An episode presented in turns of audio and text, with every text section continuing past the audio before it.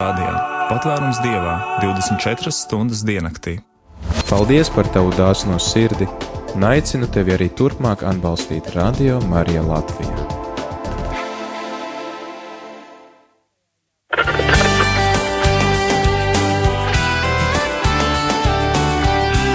Bībelē sakņotie teicieni un metafāras. Studijā Otto Ozols.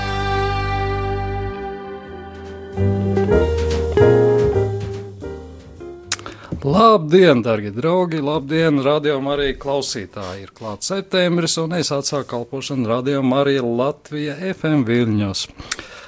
Esmu nolēmis, ka reiz nedēļā piekdienās tieši pulkstens 17.00 tiešraidē vadīšu diskusiju raidījumu Bībelē sakņoti teicieni un metafāras.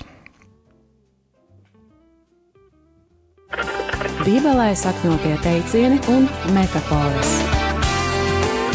Studijā Otto Ozols.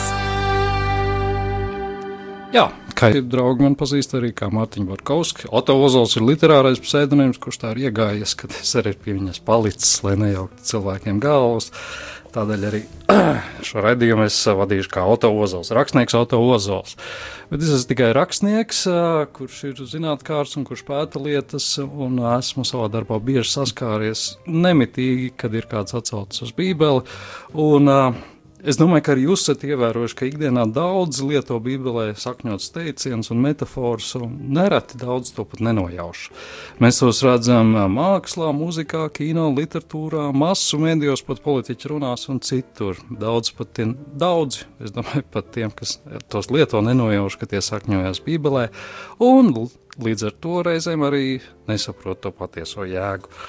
Jo katrs no šiem teicieniem, metaforām sakņojas konkrētās raksturvietās, tam ir skaidrs konteksts, vēsturiskais fons, pat tik vien, vienkārši piemēri, kā piemēram bērtoglis uz galvas nāk no Bībeles, neturis vecis zem pūra arī ir no Bībeles, apraka savu talantu ir no Bībeles, un daudz pat nenojaušu, ko nozīmē vārds talants, kā viņš ir cēlēs šis vārds talants.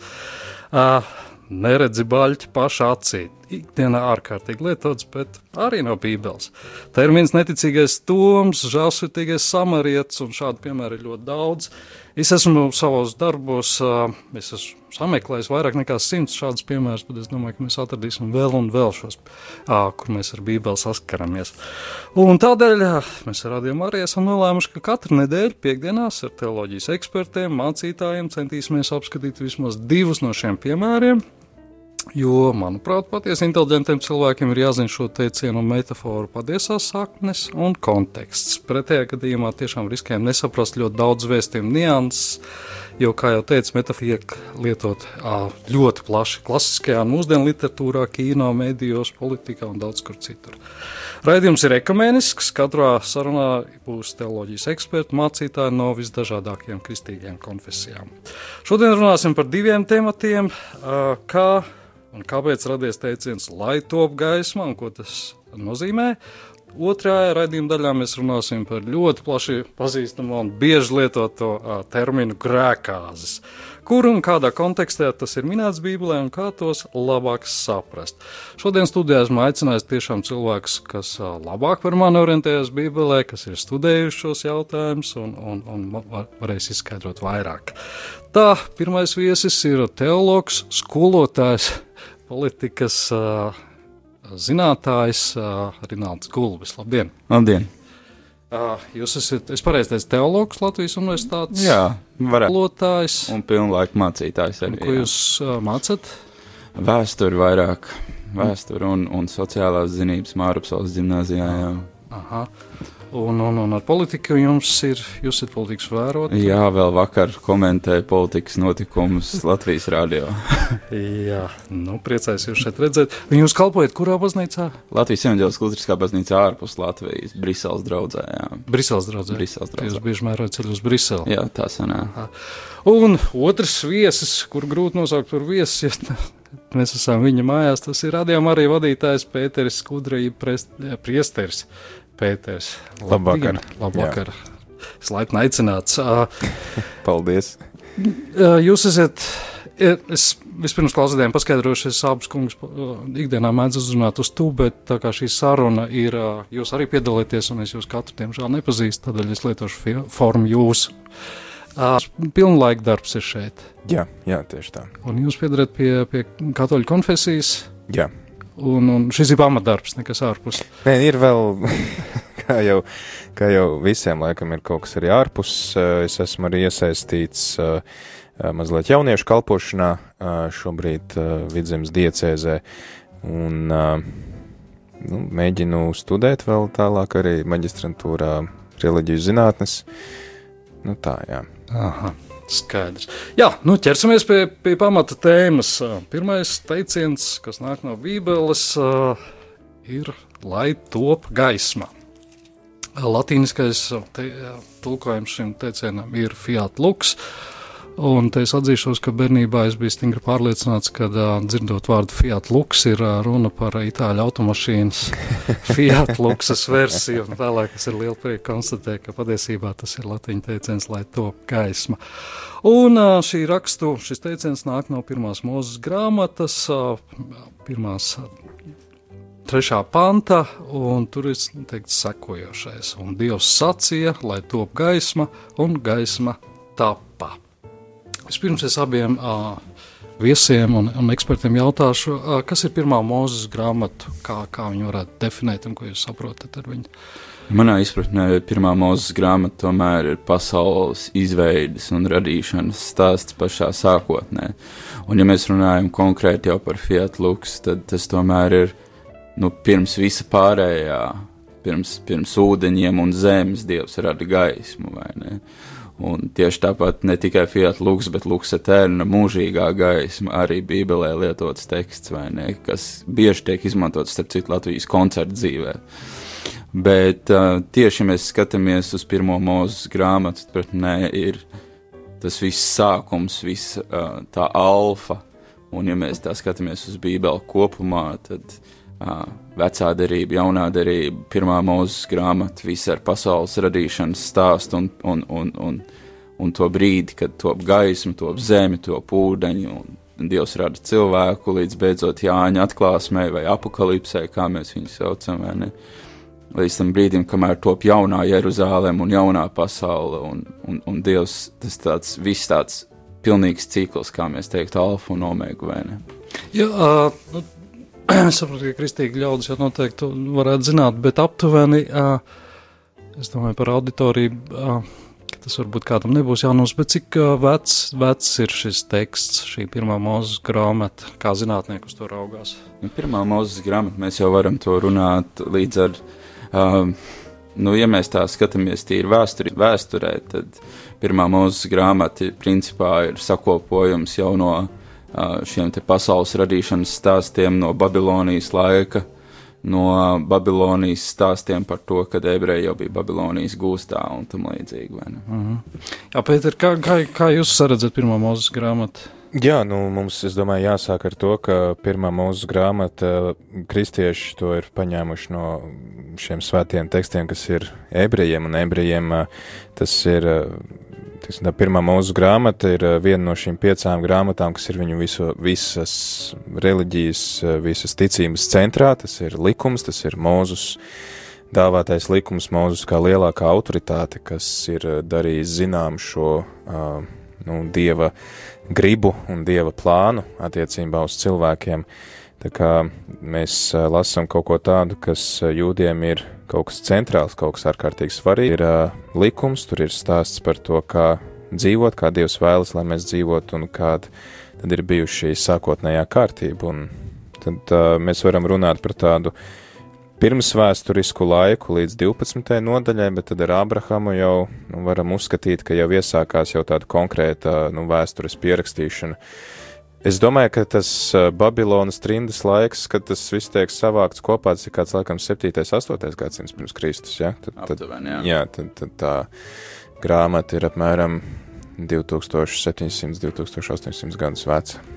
Jā, tad, jā, es arī skatījos, ka rakstos, ka jā, daži zinātnieki uzskata, ka viņi ir jā, no tekstiem, kas ir radīti 150 gadus pirms, pirms mūsu ēras, un citi atkal saka, uzskata, Nu, tas process ir iesācies Jā, tajā 500. Nu jā, nu, Babilonas Babilonas laikā. Protams, ka tas, tas, tas, tās redakcijas pēc tam ir papildinājuši vienu otru, un tas ir, man liekas, līdz kādam 7. kristus, kad viņš tur tā noslēdzās. Tā kā tas ir bijis tāds vairāk gadsimtu periods, kad tas viss tiek apkopots un nodots mums tāds, kāds tas ir tagad. Jo jāatcerās arī tas, vai ne, ka no Babilonas gūsta laika ebreju šo tradīciju manto mutvārdu ceļā, un tikai tad vēlākā laika posmā tiek torā pierakstīts tas viss, kādu mēs to redzam šodien, vairāk vai mazāk, vai ne? Tātad mēs varam konstatēt, ka teiciens, ko mēs lietojam šodien un tagad, nere, bieži un citējam, lai top gaisma, būtībā ir o, nu, es kā- Gadu tūkstoši. Tūkstošs, jā, gadu tūkstošs vecs. Jā, jūs, jūs pieminējat, tad tā pirmā mūsu grāmatā pamatteksti ir ā, senebreju valodā tapuši, jā, kas ā, ā, izrunājot, varētu teikt, ā, berešīt.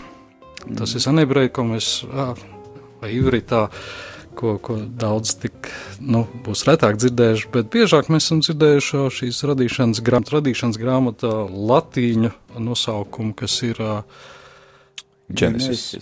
Jā. Genesis. Vai Genesis. Jā, jā, jā. Kā kurā latīņu tradīcijā, vai mēs raugāmies no latīņu viduslaiku valodas vai, vai senlatīņu saucamās. Jā, Nu, laikam ir iegājis vairāk Genesis, bet. Uh, bet Droši vien tu klausies to grupu, jā. jā, tas tā būs nākamā tēma. Bet, uh, jā, es arī pat par šo latīņu iz, izrunu. Es atceros, ka man latīņu valodas pasniedzēja. Starp citu, arī Bībeles jaunās redakcijas savu tulkotāju, nu jau nelaiķē mūžībā aizgājis ķemēre. Pasniedzēja, viņa teica, ka, ka mēs esam ar laika gaitā to latīņu valodu bijuši pakropļojuši. Piemēram, Cicerons. Viņa dzīves laikā nemaz nebija Cicerons, viņš bija Kikerons. Cicerons. Jā, kā, jā. Bet uh, ir vēl viens teiciens, kas noteikti nav Bībelē saistīts. Jā, viņš saucās, uh, ja, ja dziļāk mež, mežā, jo resnāk partizāņi. Tas nav Bībelē saistīts, bet jā, pētot šo saskāros, protams, ar vārdu genesis vai genesis. Un, un, un um, jā, daudziem cilvēkiem, daudz, kas ir, kas bērnībā vai jaunībā nepazina Bībeli, viņam tas saistās ar pareizi, ar mūzikas grupu. Uh, jā, jo dziļāk rocies, jo vairāk saskaries. Nu, vienīgi tad, tad var pa paskaidrot, ka šis nosaukums uh, Genesis vai Berešit uh, ebreju valodā tas nāk. Un, starp citu, katoļu tradīcijā tas ir saglabājies pie baznīcas dokumentu izdošanas, ka grāmata iegūst savu nosaukumu no pirmajiem uh, vārdiem vai pirmā vārda. Un tas Berešit vai, vai Genesis, uh, tātad aizsākums, sākums uh, ir pats pats pirmais vārds, ar ko grāmata sākās. Tāpēc, piemēram, otrā mūsu grāmata būs Exodus, jo viņa sākās ar vārdu izceļošana, Exodus, trešā būs Levīti, tāpēc, ka sāk, nu, jā, tad katra grāmata savu vārdu. Jā, es mazliet atlicot atpakaļ pie šīs mazliet tā paralēlās līnijas mūzikas grupu Genesis. Uh, kāpēc es teicu, ja dziļāk rodas, jau vairāk tu sas- saredz šīs sakritības, bībeles uh, iedvesmu, jo grupas Genesis tie slavenākie dalībnieki ir Fils Kolins un otrs ir Pīters Gabriels. Gabriels, kā zināms, ir jā, eņģelis atkal tāds sasaites, kur mēs atkal redzam pa labi, pa kreisi Bībeles ietekmi, bet ā, pārokoties dziļāk, es tikai šodien faktiski atskārtu, kad vēl biežāks lietojams vārds, un tas ir ļoti interesanti, ka, ka, kur Bībele krustojas ar zinātne, genoms, ģenētika. Mm. Mhm. Nu, būtībā Viss sākums. Jā, viss sākums. Cīņas redzot, šie zinātnieki, šī zinātnieku sabiedrība arī laikam tomēr būs lasījusi Bībeli un būs iedvesmojusi. Jā, nu šī ir tāda tā kā vēsturiskā ā, pamats. Mēs apskatījāmies tā valodnieciski, mazliet paskatījāmies arī ietekmi, kas ir bijis. Bet, ja mēs runājam par, par savu būtību, kad jūs rakstāt, lasat šīs vietas, kas ir tas, par ko jūs domājat, kas jums liek aizdomāties, Rinalda? Nu, jāsāk ar to, ka pirmām kārtām šī rakstu vieta un arī Pāvila teksts par gaismas bērniem bija mans ordinācijas prediķis. Kad es runāju par gaismas tapšanu, par gaismas bērniem un, un, un to būtību, ne, un par to, ka gaisma ir visa esence. Jo, ja mēs tā skatāmies, tad tas vecais labais stāsts par to, ka tas atjautības uzdevums, kas parasti ir bērniem, kas tev ir jāizdara istabā, kad tu ieej tumšā istabā, tu ieslēgsi gaismu vai iededzināsi svecīti, vai jāizdara, ja tev istabā ir svece, vai ne, un tad pirmais, ko tu dari, ir aizšķil sērkociņu, lai taptu gaismu, un tā mēs varam arī teikt, principā, Dievs tāpat ienākot tumšā telpā, vispirms aizšķīla sērkociņu un tapa gaisma, vai ne? Un, un, un, manuprāt, tas man ir viens no tādiem būtiskākajiem elementiem, ko es patiesībā sakot, esmu atsaucies nevienreiz vien par to, ka mēs pirmām kārtām mēs bieži vien runājam par mīlestību.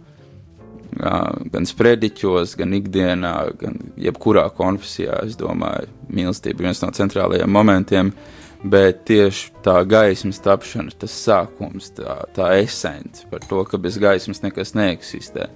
Jo, ja nebūtu gaisma kā tāda, arī dzīvība neeksistētu. Līdz ar to gaisma ir tas dzīvības pamats. Un, kā tu teici, tas arī genēsis, genoms, dzīvības sākums, dzīvības esence un katrs šūnas daļa. Ja mēs skatāmies arī dabā, tad uh, dzīvības esence ir, ir, ir fotosintēze, bez kā mēs nespētu elpot bez saules gaismas, bez, bez gaismas kā tādas. Jā, nu, tad viss tās savijās kopā mēs redzam, ka, ka zinātnē, bībelē, ticība, ka tas viss ir viens kopīgs mm. Veidojums un ka mēģināt, kā mūsdienās mēģina šķelt un pretnostatīt, ka tas ir. Nē, manuprāt, ir tas arī, kā bieži vien tiek citāts Stevens Hawkings kā galvenais ateists, kurš ir noliedzis jebkādu dievu eksistenci un tam līdzīgi. Bet, ja mēs palasām citu astrofiziķu izteikumus un runas, tad kaut vai tā pati slavenā lielā sprādziena teorija, kad mēs skatāmies uz Bībeles tekstiem, tad viņi pilnībā neiet manā izpratnē kontradikcijā arī ar Big Bang teoriju.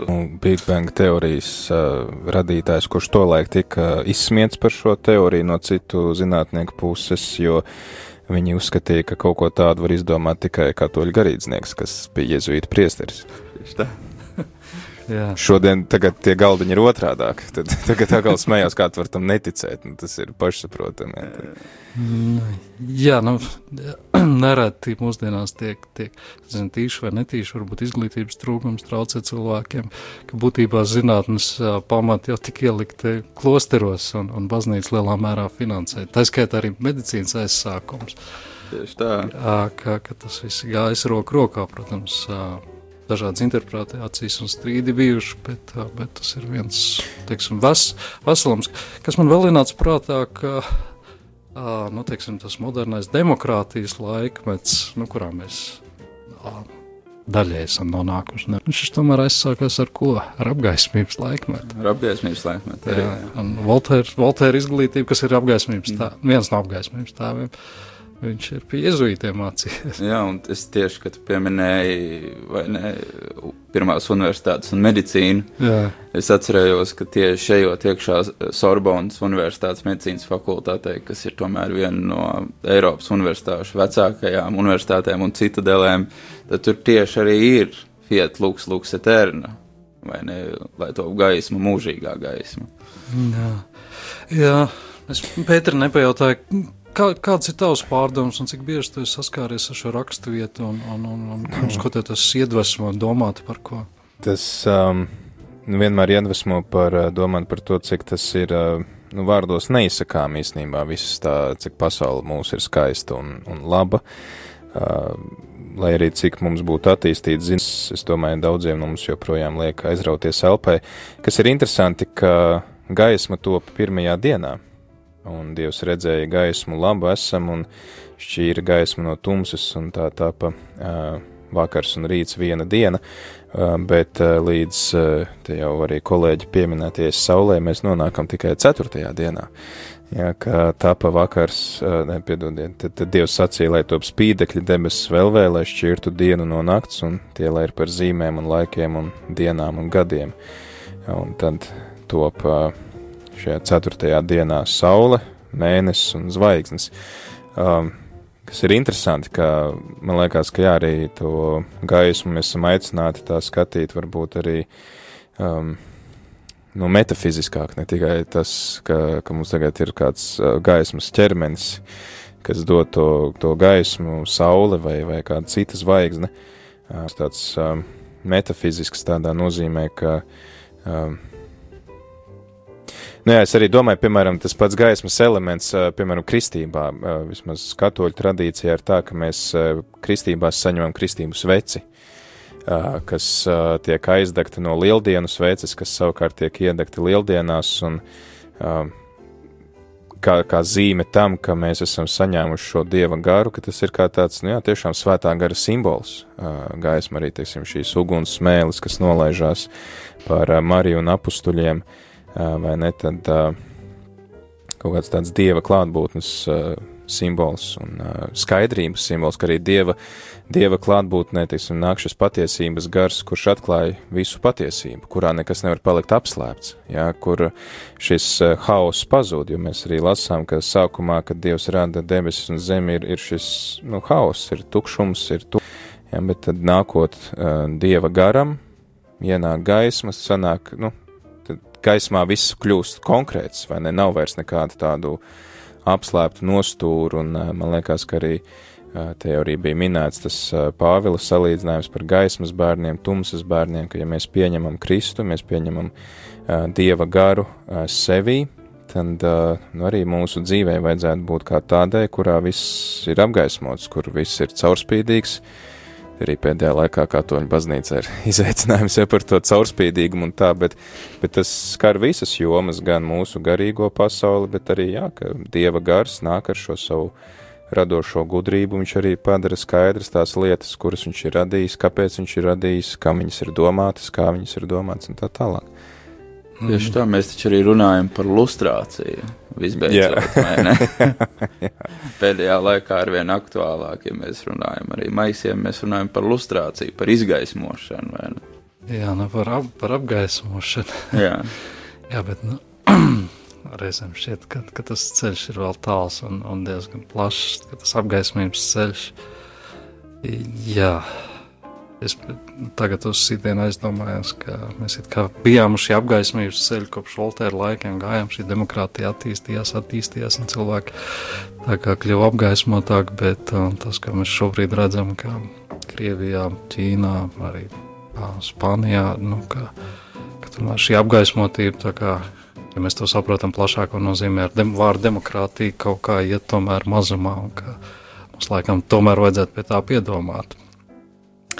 Jā, es uh, atceros vēl tādu, es lasīju par šo raksturvietu, kad oriģinālos tekstos gluži nebija, ka mazliet latviski ir interpretēts rakstot, lai top gaisma. Man tekstā laikam bija teikts, uh, lai, lai, un gaisma tika radīta, un gaisma tad tiek, tika radīta, jā, ka faktiski jā, Dievs radīja uh, gaismu. Jūs, uh, es pieminēju jau redzījuma sākumā, ka, ka, ka šis teicis, ka Bībelē sakņos teiciens mēs sastopam ikdienā, klasiskajā mūsdienu literatūrā, kultūrā, politiķu runās un mēdī bieži citē. Jums bieži gadās sastapties ar Bībelē sakņotiem teicieniem?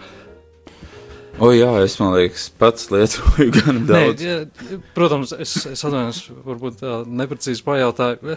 Es gribēju teikt, jums ir bieži gadījies sastapti, gadīt, sastapties ar situācijām, ka cilvēki lieto nepareizā formā un, un, un, un, un neizprotot to kontekstu. Jums ir bijuši tādi gadījumi. O jā, ja mēs skatāmies ne, gan uz politiķu runām, gan, gan, gan arī starp citu žurnālistu tad visi šie te teksti, kas nāk no Bībeles, tad uh, bieži vien viņi tiek lietoti nu, tādā, es teiktu, vispārīgā manierē un tā ļoti virspusēji. Man liekas, jau ir leģendāra frāze par traknajiem gadiem, ne? Tieši tā. Tieši tā. Par septiņiem traknajiem gadiem, jā. Man tagad šis būs jāpieraksta. Jā. pat es nebiju saslēdzis galvā, jā, pat tiem gadiem es, es zinājis, bet uh, vai nu šis cilvēks ļoti labi zināja Bībeli, un tā bija zinām ironija. Bet, uh, bet, ja runājam par klasisko literatūru, man tāds interesants jā, piemērs ir, ka, ka lai top gaisma, uh, viņu vien, plaši lietoja, nevis plaši lietoja, bet ļoti zīmīgi lietoja viens no vispopulārākajiem zinātniskiem fantastiskās, fantastiskas uh, autoriem Aizeks Azīmovs savā grāmatā Beidzamais jautājums. Un uh, es skatījos, manuprāt, ka latviski viņš ir, viņam ir kāds septiņas grāmatas tulkots vai sešas, bet tieši šī grāmata, kas viņam ir mīļākā, uh, nav tulkota. Un, un kas interesanti, viņš 50, 1956. gadā rakstīja grāmatu par, par, par skaitļojamo mašīnu, kas ir iegļuvusi saprātu. Faktiski jau par mākslīgu intelektu toreiz, un, un, un grāmatu viņš noslēdz tieši tā, es mēģināšu atrast. Jā, un mākslīgais saprāts teica, un, lai, lai gaisma, un lai top, lai te tagad būtu gaisma Es mēģinu burtiski tulkot, lai top gaisma. Faktiski arī šis mākslīgais mm. intelekts citē, citē, citē Bībeli, tikai šī atbilde nāk. Cilvēki viņam jautāja šiem mākslīgiem intelektam, kā novērst globālās kataklizmas, kā novērst ek milzīgi ekoloģiski dāma, kad viss aizies pa pieskaru, bet uh, no, mākslīgais intelekts visu laiku cilvēkiem atbildēja, ka uh, Uh, man nav pietiekami datu apstrādēs, netiek galā, netiek galā, un beigās viņš tomēr uh, atrada šo atbildi, un tad nāks gaisma, bet, diemžēl, cilvēki nebija palikuši. Uh, jā, bet es tā diezgan tā pārstāstīju. Mums jācer, ka Andris Ambainis ar kvantu datoriem tomēr ienesīs gaismu arī jā, kvantu viņš, pasaulē. viņš mazliet ātrāk atradīs atbildi. Bet arī, um, man liekas, svarīgi ir lasot veco derību. Atcerēties to, ka mm, nu, arī jau Pāvils saka, ka veco darību lasot, mēs, viņu mums ir jālasa kā tādā uh, pirmtēlu uh, līmenī, ka, kuru mēs tur varam saskatīt Kristu. Un uh, šeit jau īstenībā jau radīšanas stāsts jau kļūst par tādu kā arī pirmtēlu vai, vai pravietojumu par uh, uz augšām celšanos, jo tad, kad uh, kāpēc kristieši sāk svinēt uh, svēto dienu nevis sestdienā, uh, bet nedēļas pirmajā dienā, ko mēs esam šodien nosaukuši par svētdienu, ja, ka rītausmai saulē lecot Jēzus augšām ceļās, un arī, piemēram, kristīgā tradīcija vēlāk viduslaikos viņa arī salīdzina, piemēram, kā, kā, kāpēc baznīcas tika celtas ilgu laiku tieši uz austrumiem, ja, ka mēs vēršam skatu uz uzlecošo sauli, un kā Kristus, kā jaunā šī diena, jaunā radīšana, pirmā nedēļas diena, kas sākās viss jauns, un, un tā būs atkal tā gaisma, kas vairs nenodzisīs, jā, kas pastāvēs mūžam. Tā kā arī uh, vienmēr šo aspektu, man liekas, der paturēt prātā, kad mēs lasām veco derību, vienmēr skatīties, kur mēs tur varam atrast jau šo Kristus tēlu, un te mēs redzam jau pie pirmās radīšanas dienas, jau faktiski tāds, nu, var teikt, pravietojums par to, kas, kas nāks ar Kristu. Nu, nereti ar cilvēkiem, nekristīgiem, nu, ateistiem varētu teikt. Ir diskusijas, viņi, viņi mēdz pārmest kristiešiem, ka redz, kā Bībelē tur ir rakstīts un, un, un, un tā un šitā, bet viņi mēdz ignorēt faktu, ka šie ir tūkstošiem gadus vecu teksti, un, un ka tā nav instrukcijas grāmatas atvainojas veļas mašīnai, kur var visu precīzi aprakstīt, ka tas ir drīzāk pārdomu, iedvesmas, ka tas ir tēlu stāsts, un, un, un, un mēs redzam, cik daudz šī vienkāršā frāze, lai top gaismu un gaismu tap, cik daudz ir radījusi, iedvesmojas mums likus domāt un, un spriest. Ja, ja nemaldos, tas bija Galilejs, kurš aizrādīja, ka Bībele saka to, kas ir uh, pasaules autors, bet viņa nepasaka to, kā viņš to pasauli ir uztaisījis. Tas jau tad atkal ir zinātnieku uzdevums. Jā, bet, nu, kā mēs redzējām, no vārda genesis vai genesis, ka, ka, ka zinātnieki iedvesmojās un ir, ir lasījuši un, un sākuši ar šo grāmatu.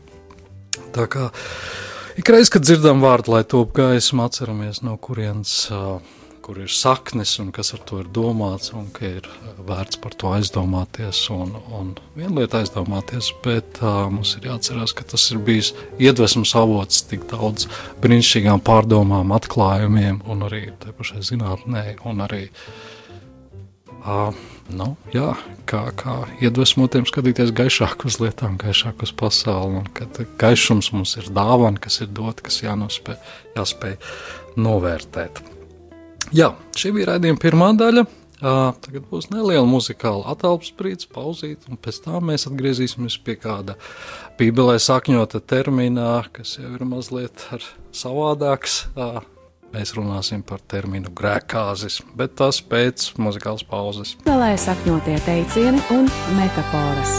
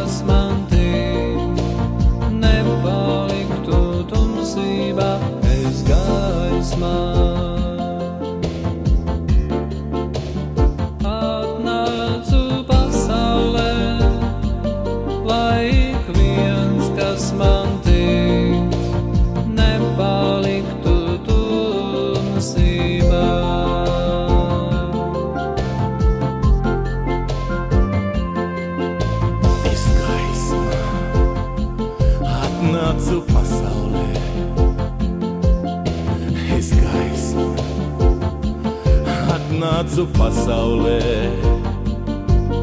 Es gaismā atnācu pasaulē, lai visi būtu gaismā.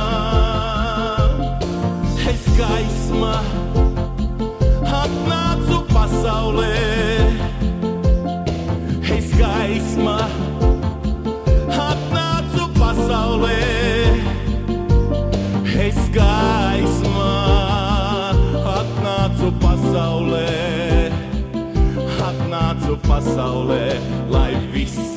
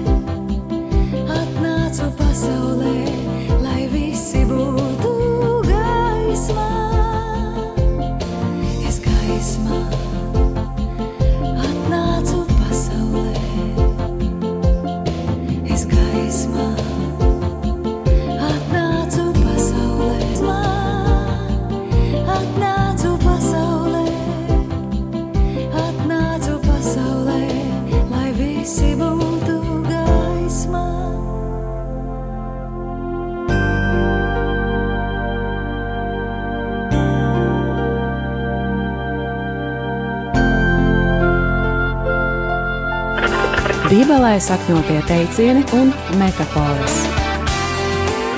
Studijā Otto Ozols.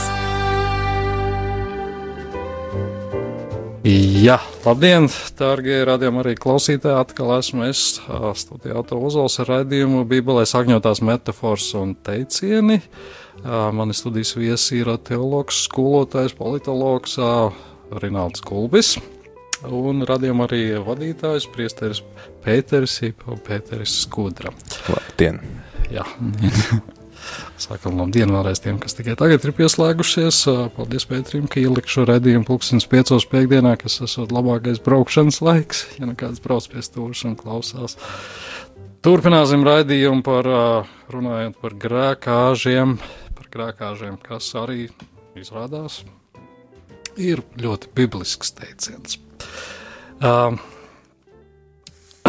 jā, mēs te mazliet aizkadrā. Jūs jau zināt, klausītāji, ka visinteresantākās sarunas ir aizkadrā. Mēs mēģinām noskaidrot, kurš pirmais no politiķiem lietoja vārdu septiņu trekņu gadu. Mēs tā arī netikām skaidrībā, kurš to teica. Bet tā, Pēter, kur, kurā vietā Bībelē mēs šos vārdus Tas ir uh, radīšanas uh, grāmata, tā pati Genesis. Uh, Trī, es nepatiku, kad no 30. nodaļām, kur Jāzeps parādās ar saviem brāļiem, un tur ir uh, epizode, kad faraons redz sapni, ka ir uh, šīs septiņas traknās govis, kuras apēd septiņas kārnās govis, un pēc tam viņš redz otru sapni, kur ir septiņi tādi trakni, nu, traknas vārpas, un tad tās tiek apēstas, uh, viņas apēd septiņas tādas izkaltušas vārpas, un Jāzeps skaidro, ka būs septiņi trakni gadi, kad ir laiks uzkrāt visu labību, un tad ir septiņi bada gadi, kad uh, tā labība arī tiek izlietota. Jā, beigās, beigās izrādījās, ka mūsdienā mēs saprotam, ka ir runa par recesiju, konsolidāciju un citām lietām. Jā, bet nu, tam būs atsevišķs raidījums jāvēl, tad atgriežamies pie, pie grēkāža.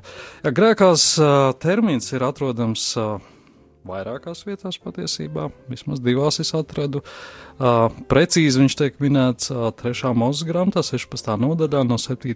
līdz 10. pantām. Es nocitēšu. Un tad, lai viņš ņem abus āžus un nostada, nostata tos sasiešanas telts durvīs tā kunga priekšā, un tad Āronam jāmet mesli par abiem āžiem, viens mesls tam kungam, bet otrs mesls Azāzelam. Un tad, lai Ārons pieved to āzi, uz kuru kritis mesls tam kungam, šo āzi, lai viņš sagatavo grēku upuram, bet āzi, uz kura kritis mesls azāzelēm, to lai viņš aizved dzīvu tā kunga priekšā, lai izdarītu salīdzināšanu un to sūtītu tuksnesī pie azāzela. Uh, jā, šī ir viena vieta, pie nākamās pēc, pēc mirkļa atgriezīsimies, kad mēs runāsim tālāk. Bet uh, kas, kas šeit notiek, Rinalda? Varbūt izstāsti cilvēkam. Cilvēkiem, kas, kas tik, tik labi nepārzina šo bībeles vietu.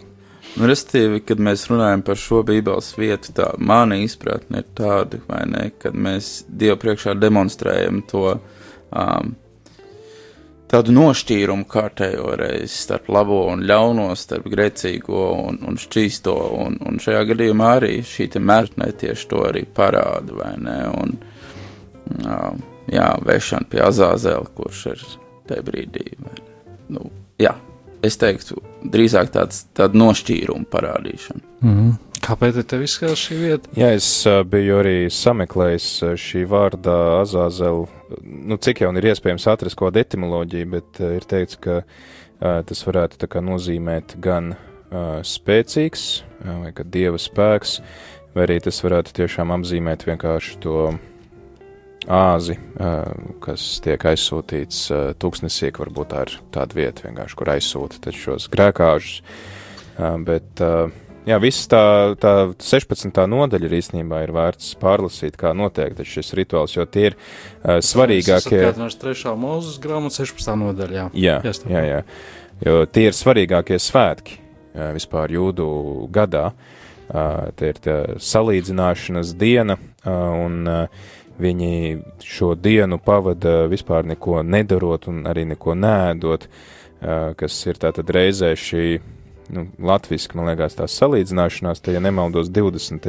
pantā, jā, ka, kad ir beidzis izdarīt salīdzināšanu gan svētnīcā, gan sajiešanas teltī, gan pie altāra, tad, lai viņš pieved dzīvo āzi, un Ārons, lai liek abas savas rokas uz dzīvā āža galvas, viņam jādara zināms viss Izraēla bērnu vainas, viņu pārkāpumi, viņu grēki, tie viņam jāliek uz āža galvas, un tas jāizdzen tuksnesī ar kāda labprātīga cilvēka roku.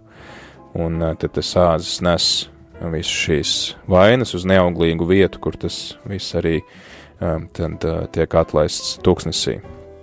Un man liekas, man liekas, ka tas arī ir tāds nu, simbols tam, ka cilvēks vienmēr ir apzinājies to savu grēcīgumu Dievu priekšu nu, atbrīvoties no tās nastas, ko tā vaina uzliek. Tāpēc uh, nu, senie, senie jūdi tad uh, sūtīja šo āzi kaut kur tūkstnesī prom. Jā, žināt, es pareizi saprotu, ka tā ir tāda sena, seno laika tradīcija, ka nu, jebkurš cilvēks kaut ko sagrēkojas, tad visu var novelt vai nogāzt uz, uz āzi. Uz āzi, jā, vai, vai, vai, vai gluži tā tradīcija, kā Pēters teica, vai ne, izsūtīt kaut kur tuksnesī vai izsūtīt kaut kur prom. Jo gluži tāpat arī senākie no eremītiem, kas devās tuksnesī vieni paši vai dzīvo talās, viņi arī sevi proponēja kā šos te grēcīgos, varbūt ne gluži āžus, bet, bet viennozīmīgi kā grēcinieks, kuriem ir jāatkārto šis te arī Jēzus rituāls, šis, šis laiks tuksnesī, šis laiks ar kārdinājumiem un tam līdzīgi. Pāvils, ja nemaldos, pēc atgriešanās trīs gadus pavadīja Arābijas tūkstnesī, jā, tad pirms viņš uzsāka publisku misiju vispār. Un kā jau es tev aizkadrā teicu, es saku, šī te doma par āzi un, un, un grēkāzi, vai ne arī helēniskajā tradīcijā, par, ja mēs skatāmies uz mūsdienu traģēdijām, kuras mēs iestudējam teātrī, tad āžu dziesma un šī āžu upurēšana un, un āžu izsūtīšana, trāgos vai ne, traģēdija, tas jau arī nāk pāris, varbūt pāris gadsimtus vēlāk, bet praktiski gana vienlaicīgi arī tomēr helēnistiskajā tradīcijā pie grieķiem. Jā, es vienkārši domāju, tā ir tā, tāda cilvēciskā daba, ka, ka nu, mēs varam tagad grēkot, un mēs vienmēr atradīsim kādu āzu, ko novelt to visu. Es domāju, drīzāk tas ir tas, ka mēs apzināmies to, ka tā, pat ja mēs arī kaut ko nu, grēkojam vai, vai darām sliktu, mēs saprotam, ka tas neskar tikai mani. Mani nospiež, man no viņas ir kaut kā jātiek vaļā, un es apzinos to, ka es pats to nevaru. Un, protams, tur ir tas risks, ko, ko, ko tu jau mini, ka tas var arī radīt tādu, ah, nu es jau tad novelšu, un es tad, nu, arī šodien cilvēki var, piemēram, pret to pašu grēksūdzu tā izturēties, ja, ai, nu ko tur jau, nu es tur nožēlošu, un tagad darīšu, ko es gribu, bet no otras puses, tu vari tam pieiet ar tādu apziņu, ka, nu, es apzinos to, ka cilvēks ir grēcīgs, un ka tā ir tāda nasta, ko es nesu sev līdzi, un es, man viņa nav vajadzīga, un tāpēc mums ir vajadzīgs arī Kristus upuris. Jā, ka Kristus viņš, nu labi, viņš nav tas āzis, kuru aizdzen, aizdzen tūkstnesī, ja, bet viņš ir tas, kurš uzņemās visu mūsu grēkus. Un mm. viņš to visu uz tā krūsta arī sadedzina. Jā. Jā, pie, pie, pie šā es mazliet tā pieskaršos, bet vai mūsdienu sabiedrībā šī, šī grēkāža loma netiek izmantota diezgan manipulatīvi. Un, nu, piemēram, tagad mēs runājam par atklājās karteli, kur, kur iespējams negodīgi būvnieki ir zaguši milzīgas summas no sabiedrības. Nu, atkal atradīs kādu grēkāzi, viņi novels. Man liekas, ka viss vis tāds iespaidīgākais teksts, tas bija vēl pirms pāris gadiem. Tas gan nāk no mācītāja meitas un ietekmīgākās Eiropas sievietes, Frau Angels Merkels. Jā kur uh, Žanam Klodam Junkeram teica, tu man nekad nepadarīsi par grēkās Eiropas priekšā. Nu, es domāju, ka Merkeles kundze ļoti labi zina gan šī teksta konotāciju Bībelē, kā mācītāja meita un pietiekami izglītojusies šajos jautājumos, gan visādi citādi. Bet, protams, jā, mēs, mēs meklējam grēkāžus arī šajā situācijā. Un, uh, vai tā būtu Maksims traģēdija vai kas cits, kur par grēkāzi ir kļuvušas skrūves un vairs ne korumpanti, bet um, tieši finanšu uzraugs ir vainīgs pie tā, nevis kāds cits, bet um, viennozīmīgi mēs grēkāžus meklējam, tas laikam ir cilvēku dabā. Nu, vai pārmīnieks tā dēvot. Jā, jā. Arī teikt. jā, un te, ir nākamā rakstvieta, kur, kur āzes netiek pieminēts, bet, bet Jā, bet doma ir ļoti precīza. Tā ir iesaistīta grāmatā, 53. nodaļa no jā, 5. un 6. pants. Viņš bija ievainots mūsu pārkāpumu dēļ un mūsu grēku dēļ satriekts. Mūsu sots bija uzlikts viņam, mums par atpestīšanu ar viņa brūcēm mēs esam dziedināti. Mēs visi maldījāmies kā avis, ik viens raudzījās tikai uz savu ceļu, bet tas kungs uzkrāva visus mūsu grēkus viņam. Kas ir domāts ar šo viņam? Protams, retorisks jautājums, bet. Uh, bet... Šo pašu jautājumu uzdod uh, uh, tas etiopietis uh, diakonam Filipam, vai uh, viņš uh, lasa tieši šo pašu vietu. Viņš saka, par ko te ir runa. Un, uh, Iesēja grāmatā, jā, ir ļoti noslēpumains šis cietošais kalps, ā, kuru, kuru ved kā avi uz nokaušanu, un te vispār šī 53. nodaļa, viņa bieži vien tiek lasīta arī tieši gavēņa laikā, kad tiek pārdomātas Jēzus ciešanas, jo mēs kā kristieši atkal ņemot vērā šo tipoloģiju, šo, šos pirmtēlus, tad uh, saskatām tur pravietojumu par Kristu, kurš, nu, ne par velti arī Jānis Kristītājs saka, lūk, Dieva jērs, jā, viņš ir tas, kurš tiks vests uz to nokaušanu pēc tam. Jā. Uh, Turnkalna Lutera draugs mācītājs Kaspars Simonovičs uh, ļoti precīzi saka, kad, ka, ka ar grēkās tiek saprasts Jēzus, ka viņš uzņemās visu mūsu grēkus un samaksā ar to. Nu, jā, gan Agnus Dei vienlaikus, gan arī tomēr uh, dievišķā personifikācija cilvēka tēlā, kas tomēr uzņems visas pasaules grēkus un kļūst par grēkāzi. Jā, pasaules grēkiem, kuriem tad var uzkraut pilnīgi visu, vai ne? Protams, jā, nu tur, tur Kasparam nevar nepiekrist. Nu, ja mēs tā pavisam pieejam tā skrupulos tam tekstam, tad uh, atpakaļ tajā Levītu grāmatā, 16. nodaļā, uh, vai 3. mūzes grāmatā, tur ir teikts, ka tur ir divi āži. Viens ir tas, kurš tiek upurēts uh, dievam, un otrs ir tas, kuram uzliek tos uh, grēkus un aizsūta tuksnesī. Jēzus tomēr tiek upurēts uz krusta. Ja, bet varbūt, viņš, nu, viņš sevī varbūt apvieno gan to priesteri, kas saliek šo upuri, jo viņš pats sevi upurē, gan arī tad varbūt abus šos āžus. Jo gan gal- izsūtīšana tūkstnesī, gan. Bet, nu jā, nu, ka viņš arī tiek, tiek nogalināts, bet reizē viņš arī uzņemās, jā, uzņemās visu mūsu vainas, lai tad arī mūs atbrīvot. Es domāju, ka tas ir svarīgi tomēr, nu, cilvēkam ir ļoti svarīgi tas, ka viņš var ā, apzināties to, ka viņš var saņemt piedošanu. Man liekas, ka jebkurš cilvēks, ja viņš ir tāds pavisam godīgs, viņš, nu, viņam ir kaut kādas lietas, kas ir uz sirds, un viņš domā, kaut es to nekad nebūtu darījis, un vai man to var piedot. Jā, un tad, uh, protams, tu vari novelt to uz kādu, vai arī tev var vienkārši tu vari iepazīties ar personu, kas tev ir līdzās un kas saka, atdod to man un esi brīvs. Jā, bet vai tas nekalpojas tagad, nu, varbūt tā kā mazs bērns jautāšu, tā kā nevis cilvēks, ka, nu, tad es varu mierīgā garā grēkot, būs gan vai no āzes, vai es uzkrāvēšu sanoties Jēzum Kristum, viņš paņems un, un Jā, es bet es domāju, zinot, priekš. nu, teiksim, ja tev ir tāds personīgas attiecības ar Jēzu un zinot, ko viņš ir tevis dēļ izdarījis, lai viņš varētu no tevis to pat kaut ko virsū.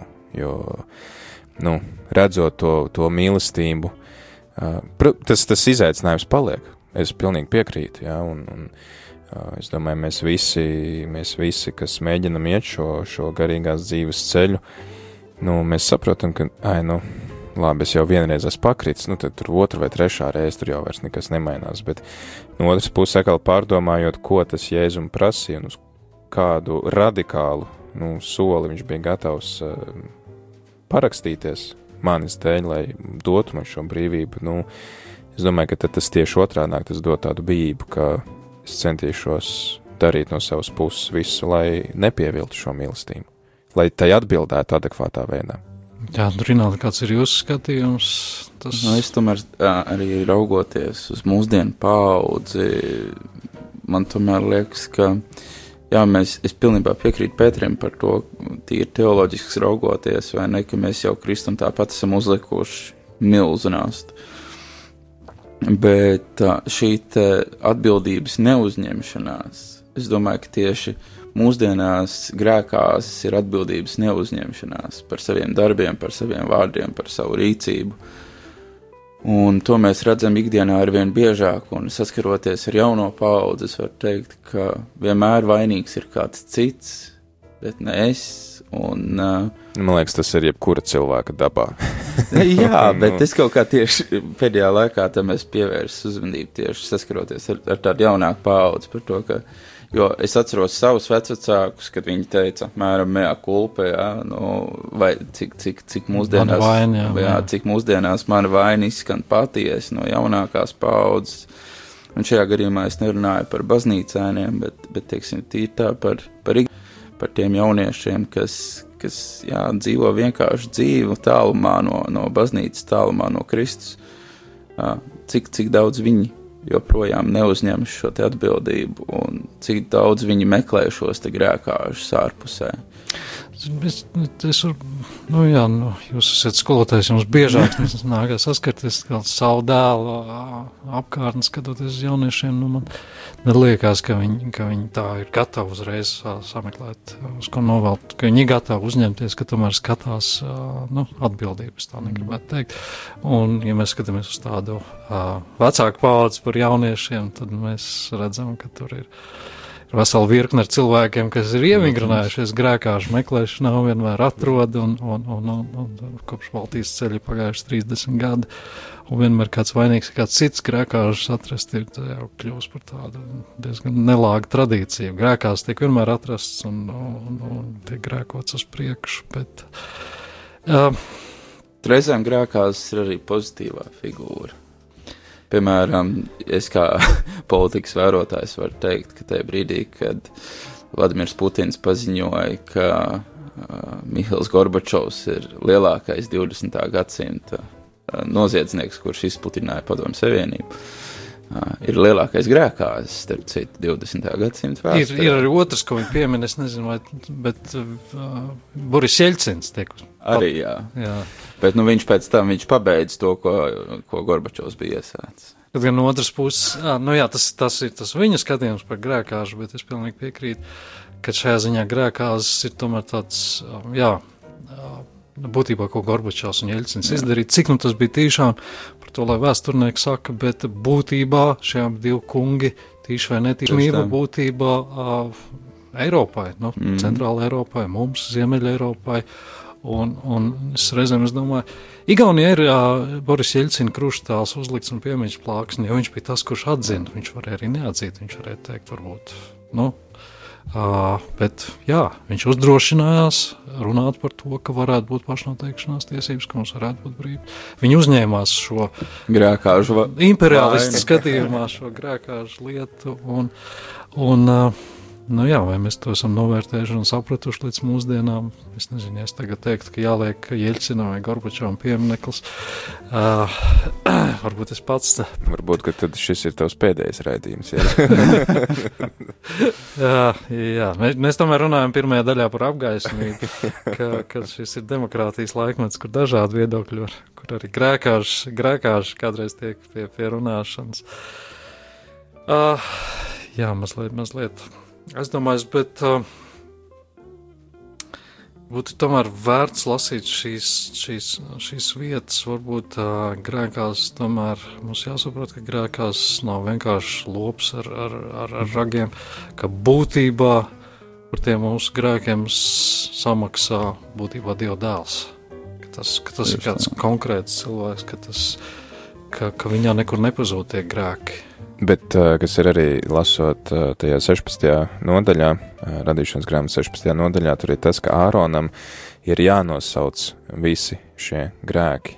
Un man liekas, ka tur arī ienāk tas, tas gaismas elements, ka dieva klātbūtnē viss tiek izgaismots, viss tiek nosaukts vārdā. Tur nav, nu, es sagrēkoju, ja, bet tiek nu, ļoti konkrēti nosaukts. Un es domāju, ka arī ejot Kristus klātbūtnē, lai viņš varētu noņemt no mums šo grēku nastu, vai nosaukt, kas tad ir tās lietas. Nu, tas, ka es nevis tagad ai- aizbildnos, ka kāds cits vainīgs, bet ne, es izdarīju to, es paveicu to, vai es neizdarīju, vai es nogulēju, noslinkoju.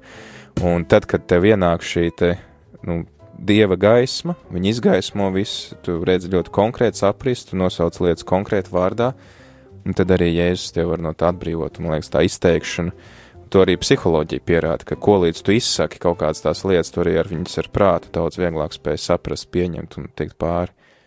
Varbūt um, es drīkst precizēt, vai tu domā nevis nosaukt, bet varbūt atzīt.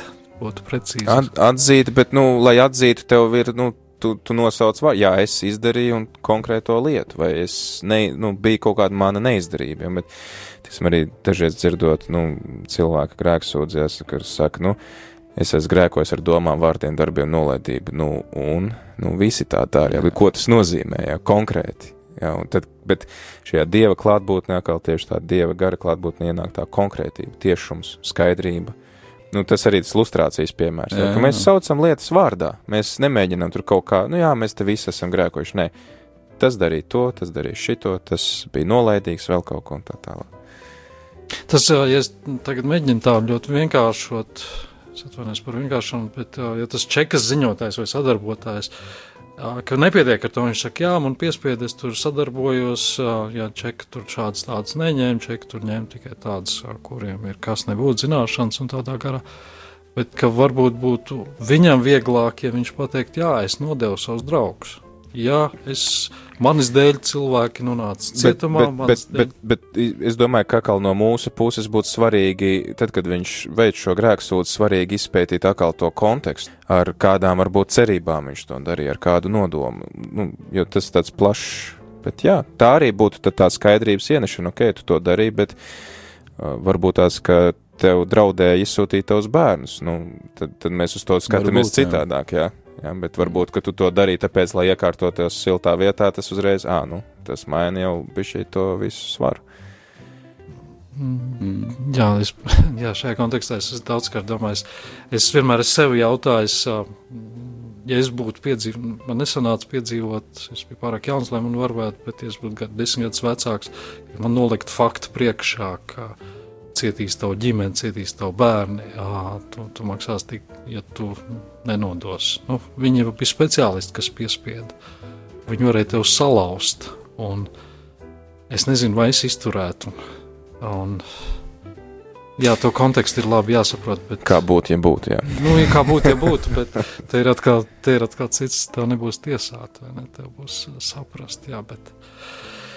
Jā, nu, ar, ar šo mēs varētu. Uh, Es saprotu, ka abas šīs tēmas ir uz prediķu vērts. Vēl gana plašs. Jā, šīs ir gana plašas, bet mēs vismaz iezīmējam tās vietas, no kurienes nāk tos avots. Katrs cilvēks var atrast, var pārlasīt. Es tiešām uh, silti iesaku vēlreiz pārlasīt konkrētās uh, nodaļas, uh, mūzes grāmatu. Iesaist grāmatu, lai saprastu šo kontekstu, lai saprastu šo vēsturisko, lai saprastu šo domu, jo, jo nu, iesākumā bija vārds. Ā, Es atkal citēju Bībeli, un tad, tad mēs labāk sapratīsim, ar ko konkrētais rakstnieks, vai, vai dziesmu autors, vai dzēnieks, vai, vai politiķis, vai mēdījis, citējot šīs vārdus, kas tur patiesībā ir domāts, kāds ir tas konta. Mazliet apgaismotāk. Jā, paldies studijas viesiem. Bija Rināls Gulbis, Paldies! Visu labu, un Pēteris Kudra. Paldies! Un Oto Ozols. Jā, un tiekamies pēc nedēļas atkal pulkstenis piecos, un tad runāsim par nākamajām divām bībeles, bībelē sakņotēm metaforām un teicieniem. Lai Dievs svētī!